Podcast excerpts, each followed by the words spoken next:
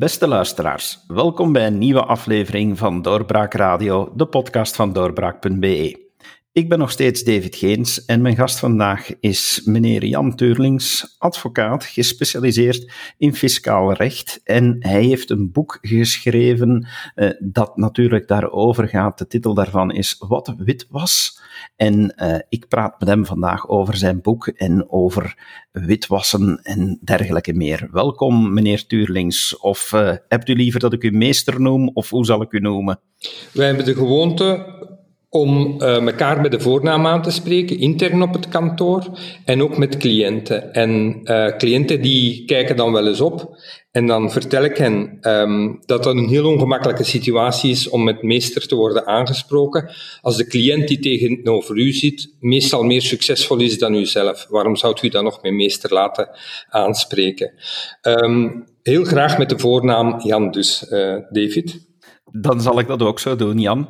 Goed, een boek uh, onder die titel, uh, ja, wat wit was, leuk gevonden titel trouwens.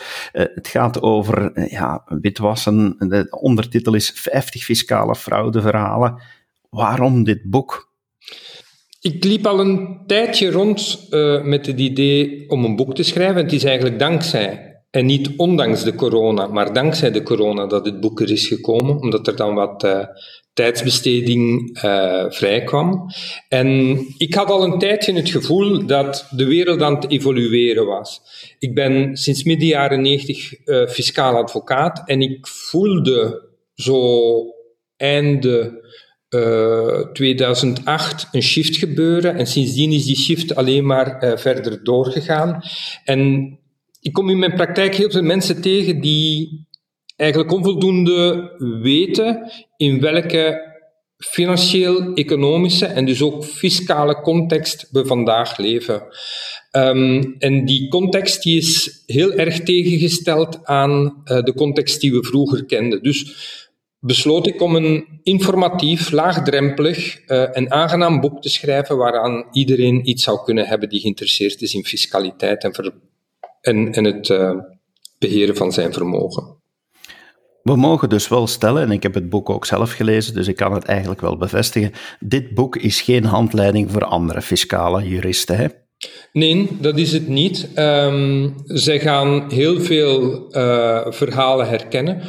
Uh, wat zij er zouden kunnen uitpuren is um, uh, dat er een aantal sappige verhalen zijn, de manier waarop het verteld wordt. Hoewel, hoewel. Uh, hier en daar zitten er instinkers in die ehm, ook voor fiscale juristen wellicht nieuw zouden kunnen zijn. ik nodig die fiscale juristen die het boek lezen en die punten eruit halen uh, heel graag uit om uh, samen met mij erover in conversatie te gaan en de fiscale wereld tot een, uh, een beter punt en, en een betere, betere plaats te maken. Overigens, David, ik wil er ook niet heel geheimzinnig over doen. Welk dat punt is, um, dat heeft betrekking op de fiscale witwaswetgeving en um, op een bepaald punt ontwikkel ik een theorie eigenlijk afgeleid uit de rechtspraak van het Europees uh, Hof voor de Rechten van de Mens over de interpretatie van de strafwet, maar ook van de fiscale wet. En die er eigenlijk zou kunnen toeleiden dat uh, vermogensverantwoording voor het jaar 2000, uh, eh, dat dat toch wel juridisch heel moeilijk zou, zou worden. En ja, fiscale juristen die, die zullen meteen begrijpen wat ik bedoel, maar het zou ons leven een stuk makkelijker maken. De rode draad die ik een beetje vind in dit boek is dat je veel sneller dan verwacht eigenlijk in het verhaal zit van een witwasser te zijn. Dat uh, dit boek eigenlijk wil, wil zeggen van opgelet, uh, je bent eigenlijk juridisch gezien veel sneller een, een, misdrijf aan het plegen dan je zelf zou verwachten.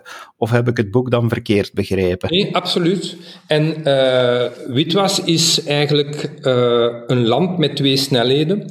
Uh, de eerste snelheid die kennen we eigenlijk allemaal indien we de, de financiële uh, pers lezen. Uh, dat gaat over de grote zaken, de banken die veroordeeld worden tot hele zware boetes, grote internationale transacties. dat heeft te maken met trade finance en dat soort dingen. Dat kennen we allemaal. Maar de witwaswetgeving die hakt er eigenlijk ook bij ons in het persoonlijke leven in, in onze relatie met iedereen die voor ons uh, vermogen beheert en uh, ook de gewone banken. En dat is iets wat uh, veel minder bekend is. Dat haalt de pers eigenlijk betrekkelijk weinig. En um, met het boek heb ik daar precies proberen aandacht aan te schenken. Je vindt in het boek niet de hele grote fraudes, maar inderdaad datgene wat dat heel kort bij de mensen is en heel kort bij je privévermogen is. De ondertitel, en ik uh, noemde hem al, is uh, 50 fiscale fraudeverhalen. Is het boek dan eigenlijk uh, ja, een, een, verzameling van, van 50 cases die, die ooit behandeld zijn geweest en, en die u nu helemaal uit de doeken doet? Nee, het zijn, en het is niet technisch en het zijn niet noodzakelijk 50 cases, maar het zijn 50 verhalen. Um, Bijvoorbeeld waarom Monaco eigenlijk ook zou moeten geconfiskeerd worden binnen uh, het kader van de witwaswetgeving, is uiteraard een zaak die uh, wij, niet hebben eh, behandeld, maar wat dat een beetje een metafoor is om uit te leggen aan de mensen hoe gek de witwaswetgeving is, indien ze zegt dat er vermogensverantwoording moet worden gegeven onbeperkt in de tijd, wat nu de mening is van heel wat mensen. Um, en uh, twee, die dingen die uh, wij op kantoor genoteerd hebben en waarvan we zeggen dat zijn kleine dingen in het dagdagelijkse leven die uh, belangrijk zijn en die een impact hebben precies op die witwaswetgeving en die er kunnen toe leiden dat mensen vinden dat je een, een fraudeur of een witwasser bent, ondanks het feit dat de betrokkenen daar heel vaak niet of nauwelijks heeft bij stilgestaan en zich er zelfs niet van bewust is. U bent fiscaal advocaat, dus uh, eigenlijk ken ik uh, het antwoord al min of meer, of toch denk ik het te kennen op mijn volgende vraag. Vindt u dat België, en ik ga me nu eerst richten op ons land en niet zozeer op Europa, alhoewel dat u dat ook een aantal keer aanraakt in uw boek, is België op dit moment te ver doorgeslagen in de jacht op de uh, witwaspraktijken, op de fiscale fraude. Ik zal het maar allemaal onder, onder één noemer gooien. Ook, ook daar, um, en dat zal je misschien uh, verwonderen, als je dacht het antwoord te kennen. Um, maar er is een, genuanceerd antwoord op te geven. Eén, um, als uh, fiscale fraude dat van banditisme benadert, dan kunnen we niet streng genoeg zijn dan kunnen we absoluut niet streng genoeg zijn. En uh, er moet een, een streng uh, vervolgingsbeleid zijn. En um, daar kan niemand iets op tegen hebben. En ik neem ook aan dat geen enkele fiscale advocaat daar iets op tegen heeft. Dat is de ene kant uh, van het verhaal. De andere kant van het verhaal is dat de fiscale wetgeving aan zich bijzonder complex is. En um, de toepassing daarvan is voor gespecialiseerde mensen uh, sowieso al bijzonder moeilijk. Ik vind dat um, de wetgeving te complex is wanneer een specialist ze niet uit het hoofd kan kennen. En wanneer hij zegt, ik denk dat het zo is, maar geef mij even de tijd om het extra na te kijken en, en u extra te bevestigen. Zeker op dat ogenblik is de fiscale wet uh, te moeilijk geworden. Uh, we leven in een fiscale wereld die extreem ingewikkeld is. We hebben bijvoorbeeld een, uh, een minister gehad die zei, wat mij betreft moeten de rulings de hoogte in. Er moeten meer rulings aangevraagd worden. Um, dat als blijk van uh, fiscale pacificatie tussen de belastingplichtigen en uh, de belastingadministratie. Wel, met zo'n uitspraak ben ik het fundamenteel eens, uh, oneens. niet eens dus, want een fiscale ruling, wat wil dat eigenlijk zeggen? Je gaat naar een rulingcommissie om een ruling te vragen op het ogenblik dat de toepassing van de wet op de feiten die voorliggen te onzeker is. Je gaat daar rechtszekerheid kopen. Um, dat heeft soms te maken met de feiten waarop de wet moet worden toegepast, maar in dit land heeft dit ook heel vaak te maken met het feit dat de wet aan zich te onduidelijk is. En ik ben dus pleitbezorger om een eenvoudigere wet te maken, zodanig dat de toepassing ervan veel eenduidiger wordt en dat dus het aantal rulings zou afnemen. Mocht ik minister van Financiën zijn, dan uh, zou ik mezelf als doel stellen om minder rulings te laten aanvragen, omdat dan de kwaliteit van de fiscale wetgeving zou toenemen. Dus dat is het eerste aspect van mijn genuanceerd antwoord. Ehm, dus fiscale fraude, uiteraard moet dat vervolgd worden en dat kan niet anders dan uh, streng vervolgd worden, maar het moet ook wel echt fiscale fraude zijn. Het moet um, de heel zware uh, fiscale fraude zijn. Twee, fouten die gemaakt worden uit complexiteit van de wetgeving, daar moeten we denk ik op een andere manier naar kijken. En dan ten derde, wat betreft de zuivere toepassing van de witwaswetgeving. Als we de Belgische kranten lezen en je hoort de leaks uh, zoals die net eigenlijk nog gepubliceerd zijn rond de informatie die uit de Verenigde Staten is gekomen van grote transacties die niet gecontroleerd werden en, en waar vragen, witwasvragen rond zijn. Um, ja, dat is waar, maar um, met betrekking tot de problematiek die het individu treft, daar is eigenlijk een, een quasi-Europese tegenbeweging. Heel veel uh, Europese uh, advocaten, uh, bankiers en financiële instellingen ervaren dat de witwaswetgeving voor de kleine man soms wat doorgeslagen is. En dan gaat het over vermogensverantwoording van privévermogen. Daar zeggen heel wat mensen dat het quasi onmogelijk is geworden om op een vlotte manier nog een uh, financieel stelsel uh, op te zetten. Ik verwijs bijvoorbeeld graag naar, um, ik lees twee kranten, ik lees de Belgische kranten, maar ik lees ook het Financieel Dagblad in Nederland. En als je daar leest hoe men daar uh, naar de witwaswetgeving kijkt, dan is dat precies um, veel genuanceerder. En op de voorpagina van het Financieel Dagblad vind je dus geregeld artikels waarin uh, advocaten, bankiers en vermogensbeheerders zeggen: pas op, de slinger van de uh, witwaswetgeving is aan het doorslaan en uh, we komen in een heel moeilijke situatie terecht. Ik ga even een uitspraak doen en dan wil ik daar graag uw mening over kennen. Er wordt in dit land nogal wel gezegd van ja, de grote jongens die ontspringen altijd de dans, die hebben de kans om zoveel achterpoortjes te gebruiken dat ze geen belasting betalen, maar diegene die dat geld verdient door te werken, uh, al dan niet als uh, werknemer en, en zeker de ondernemer denkt dat ja, wij moeten altijd maar uh, betalen, betalen, betalen en we worden nog als eerste geviseerd heb ik dan een foute uitspraak gedaan of uh, zit ik in de richting van zoals u het ook ziet?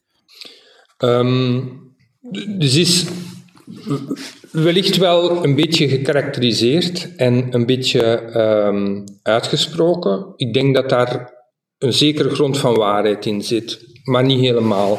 Um, ook de grote ondernemingen krijgen vandaag wel wat uh, tegenwind en hebben dat eigenlijk ook in het verleden gehad. Als je denkt aan uh, excess profit rulings, um, de toepassing van de nationale uh, interestaftrek, dat soort zaken, dan blijkt dat um, grote ondernemingen heel wat tegenwind krijgen. misschien niet genoeg. heeft mogelijk ook te maken met de de manier waarop de belastingadministratie georganiseerd is. Uh, het is nu eenmaal eenvoudiger om een KMO te controleren dan een multinational te controleren, die per definitie uh, aan twee kanten van de grens uh, actief is en waarbij je heel vaak zelfs een externe of een buitenlandse belastingadministratie nodig hebt. Dus dat is het eerste aspect. Een ander aspect is dat als het op staatsfinanciën aankomt, uh, de financiering van de staatskas, die gebeurt eigenlijk door de grote getalen. Um, en uh, KMO's zijn er nu eenmaal veel meer dan uh, multinationals. zullen ook in de statistieken van de opbrengsten een groter deel vertegenwoordigen. En dan blijkt inderdaad dat er naar die KMO's één, zoals ik net al had gezegd, omdat de belastingadministratie niet echt georganiseerd is om de hele grote te organiseren. Al is daar recent uh, initiatief genomen om daar een beetje aan te verhelpen. En twee, ja, dat de opbrengsten vanuit de grote getalen veel belangrijker zijn en dat daar dus ook uh, veel aandacht uh, naartoe gaat. Ik kom inderdaad heel veel bedrijfsleiders tegen die in fiscale controles vinden dat zij geviseerd wordt. Vaak niet ten onrechte. Um, maar dat heeft ook te maken met de manier waarop we vandaag met onze fiscaliteit in dit land omgaan. Ja, want eigenlijk, en dan keer ik even terug naar uw boek, maar ik, uh, ik geef even mee, ook voor de luisteraars, van dat, ik, uh, dat ik altijd vind dat iemand het boek moet lezen om helemaal te begrijpen waar ik op alludeer, want ik wil zeker niet te veel uit het boek prijsgeven. Het is nog altijd de bedoeling dat de mensen het kopen en er zelf het plezier aan beleven. Maar er zit een, een, een belangrijk stuk in die u hebt samengezet onder de titel De fiscus is een valspeler. Dat klinkt toch wel eigenlijk heel opmerkelijk als die uitspraak komt van een advocaat die daar dagelijks mee bezig is, vindt u niet? Um, ja, het is een straffe uitspraak.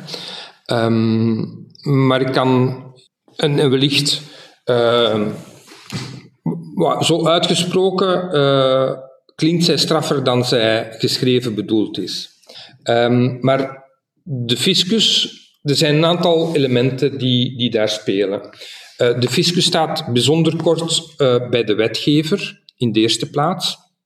En um, indien zij meent dat de fiscale wet niet goed geschreven is of haar niet goed uitkomt, dan is de weg van de fiscus naar de fiscale wetgever uh, bijzonder kort. Dat maakt ook dat een aantal uh, belastingplichtigen de indruk hebben dat de belastingregels bijzonder veel, bijzonder vaak en nogal eenzijdig gewijzigd worden, zonder dat daar een echt evenwicht in ontwikkeld wordt. Een evenwicht tussen het privébelang en het overheidsbelang. Dat is het eerste. Het tweede aspect dat daar speelt is de, een belastingadministratie is een bijzonder machtige administratie. Um, gelukkig wordt er en is dat vandaag niet echt het discours meer, maar een aantal jaar terug was het discours van um, dat de belastingadministratie uh, een administratie was die onvoldoende bevoegdheden had en die eigenlijk niet opgewassen was tegen de, de belastingplichtigen. Um, wel, dat is niet waar. Uh, een belastingadministratie die pleegt aanslagen, en dat zijn dan geen terroristische aanslagen, uiteraard, maar met die aanslagen maakt zij eigenlijk vonnissen. Wanneer jij of ik uh, in onze bus uh, een aanslagbiljet krijgen, dan heeft dat de waarde van een vonnis en is dat onmiddellijk uitvoerbaar. Als wij samen een privaat geschil hebben met elkaar, dan moeten wij eerst naar een rechter gaan om een uitvoerbaar vonnis te krijgen. De fiscus kan dat zelf maken. Uh, waarom is de belastingadministratie nog een bijzonder machtige administratie? Wanneer een onderzoeker in een strafrechtelijk verhaal een huiszoeking wil bekomen, dan moet hij dat gaan uitleggen aan onder andere een onderzoeksrechter of hij moet daar externe machtiging toe krijgen. Een belastingadministratie die kan vrij eenvoudig, zonder veel gerechtelijke controle, uh, huiszoekingen of fiscale visitaties doen, kennis nemen uh, van bankrekeningen indien die door de belastingplichtige niet gegeven wordt. Dus dat is echt wel een, um, een superadministratie.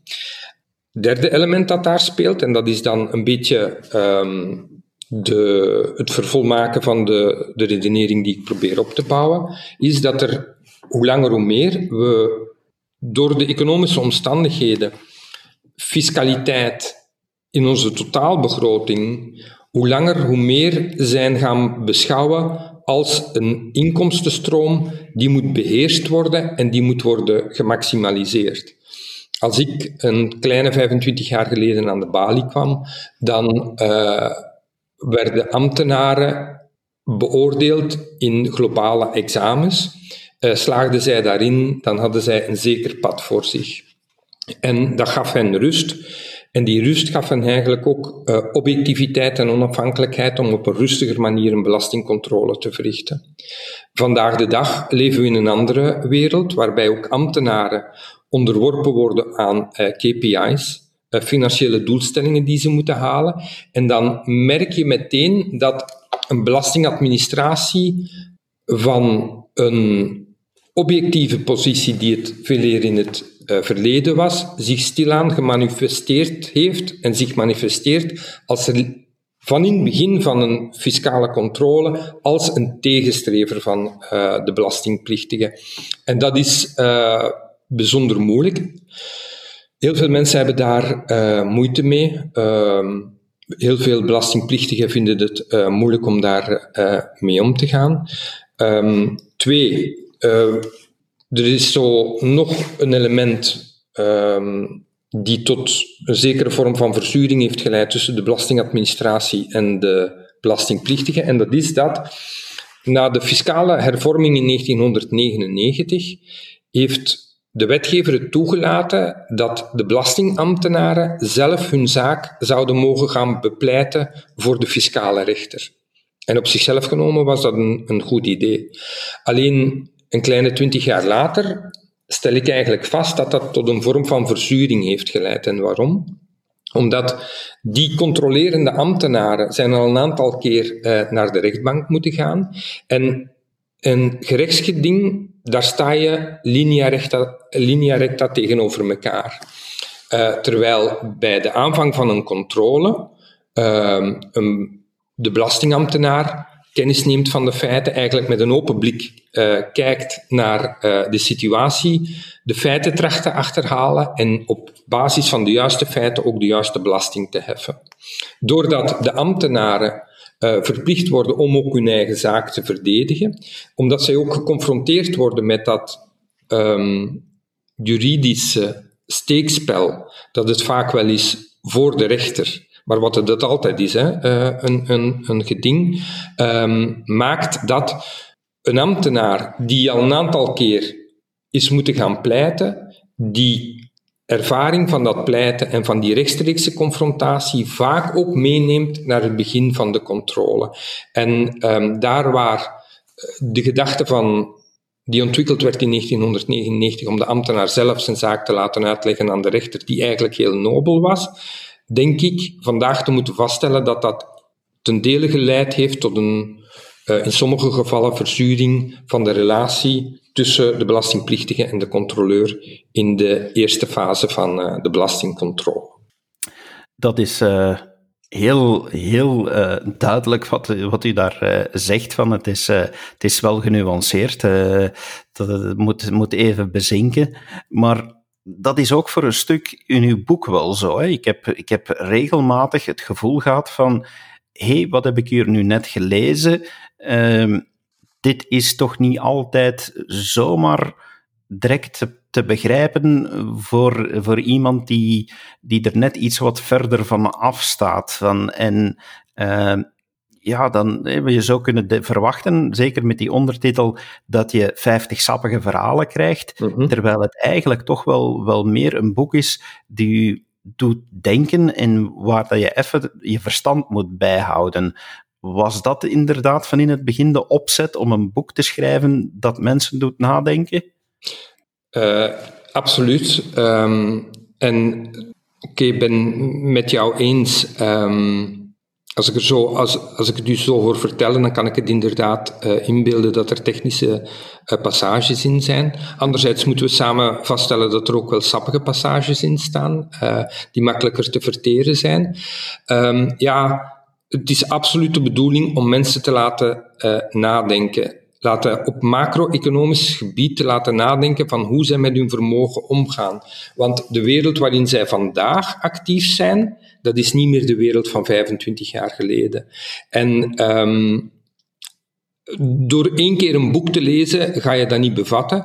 Door er uh, verder over na te denken, door met de kennis van het boek opnieuw naar de wereld te kijken, opnieuw naar de krant te kijken en opnieuw de uh, fiscale artikels te lezen, denk ik en hoop ik, hoop ik oprecht, dat de lezer een ruim denkkader en een ruim paradigma heeft meegekregen om de fiscaliteit en datgene wat dat er gebeurt en datgene wat dat hij vaststelt, uh, beter te kunnen inschatten.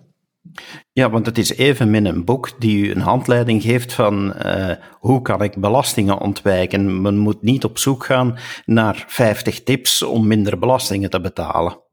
Nee, absoluut niet. Uh, en um, maar ik ben geen belastingconsulent, ik ben uh, belastingadvocaat, fiscaal advocaat.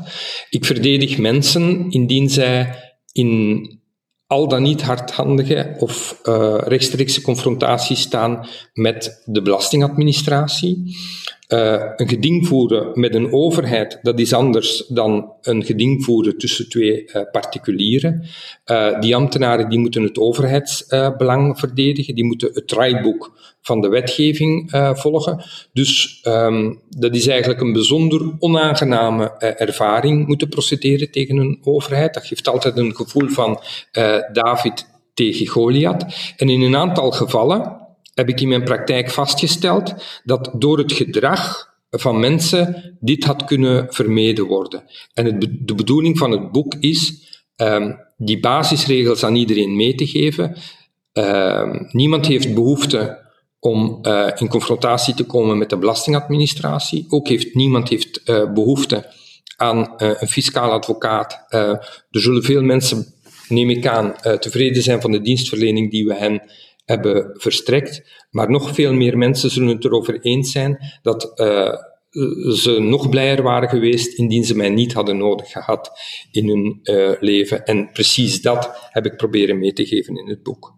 Men zou kunnen veronderstellen dat een advocaat in fiscaal recht en een belastingscontroleur, zeker een, een, een hoge ambtenaar, niet de beste vrienden zijn. En toch valt het mij op dat de naam Karel Antonissen, die ik enkele weken geleden te gast had uh, in mijn podcast, dat die naam een aantal keren valt, uh, dat die zelfs uh, genoemd wordt als iemand die het manuscript heeft nagelezen. Dus jullie staan niet altijd met getrokken messen tegenover elkaar. Um, belangenverdedigers staan eigenlijk nooit met getrokken messen tegen, tegenover elkaar. Um, om een probleem te kunnen oplossen is het bijzonder belangrijk uh, van heel nauwkeurig te luisteren en ook de positie van de tegenpartij in de eerste plaats uh, te begrijpen. Um, ik heb de eigenschap om proberen de tegenpartij heel goed te, te, begrijpen. Ik heb ook heel vaak uh, naar Karel geluisterd. Um, ook professioneel hebben wij de degens met, met elkaar uh, gekruist. En ik moet eerlijk zeggen dat bij tijd en wijle, niet zo heel vaak, maar een aantal keer hij bij wijze van spreken mijn bloed heeft doen koken. Um, als je het hem zou vragen, dan kan het omgekeerd ook zo zijn. Um, maar in zijn algemeenheid is het toch wel zo dat belasting betalen en financiering van de overheid is eigenlijk de hoeksteen van onze maatschappij. Belastingen moeten betaald worden, niemand zal dat uh, betwisten. En dan komt het erop aan dat die belastingen enerzijds zo rechtvaardig mogelijk gevestigd worden, dat die belastingregel zo uh, fair mogelijk is. En twee, dat er zo weinig mogelijk frictie ontstaat tussen de belastingplichtige en uh, de overheid. En wat dat betreft uh, kan ik alleen maar met een open geest uh, naar andere van mijn collega's luisteren. Maar eigenlijk behoren de belastingambtenaren daar ook toe. En uiteraard met zijn inzichten um, is Karel Antonissen op heel veel vlakken um, vooraanstaand. Er zijn heel veel vlakken waar ik het met hem niet eens ben. Maar ik herinner mij wel, als ik pas aan de balie kwam, dan kreeg ik kennis uh, en mocht meehelpen in zaken tegen zijn BB-administratie. En op een bepaald ogenblik um, sloot Karel Antonissen akkoorden die ik um, maar heel moeilijk binnen het kader van de wet kon, kon plaatsen. Um, als jonge en onervaren advocaat zag ik niet precies hoe dat toegepast moet worden. Tot enkele jaren later ik dan plots moest vaststellen dat die op dat ogenblik al wat meer begrijpelijke fiscale akkoorden van Karel Antonissen gewoonweg tot uh, cassatierechtspraak uh, was geworden en wat vandaag op het uh, onder deskundigen als de Balthus-doctrine uh, door het leven gaat. Wel, ik kan daarvan bevestigen dat Karel Antonissen tien jaar voor het officialiseren van de Balthus-doctrine door het Hof van Cassatie dat inzicht al had om die principes toe te passen in zijn rechtshandhaving. Um, Karel Antonissen heeft ehm, in een aantal zaken kwaad bloed gezet, terecht of niet terecht. Uh, maar aan de andere kant moet wel heel duidelijk worden meegegeven dat bijvoorbeeld in de toepassing van die Baltus doctrine avant la lettre uh, Karel Antonissen een visionaire uh, visie had. En die uh, Baldus-doctrine die was niet noodzakelijk, en eigenlijk zelfs helemaal niet, tegen de belastingplichtigen. Die was nog erg meega meegaand met de belastingplichtigen.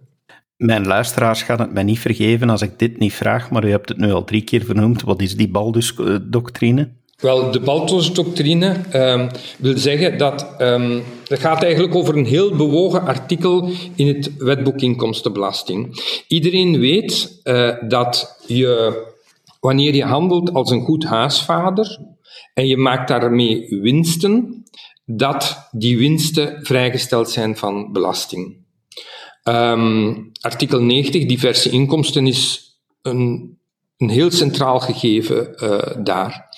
En de Balthus-doctrine, die doet eigenlijk uitspraak over uh, het gefaseerd speculeren. Want tegenover het handelen als uh, een goed huisvader staat speculatie. Indien wij speculeren, dan zijn de winsten uit die speculatie belastbaar aan 33% En de casus doet zich voor uh, en die is wel de volgende in zijn algemeenheid.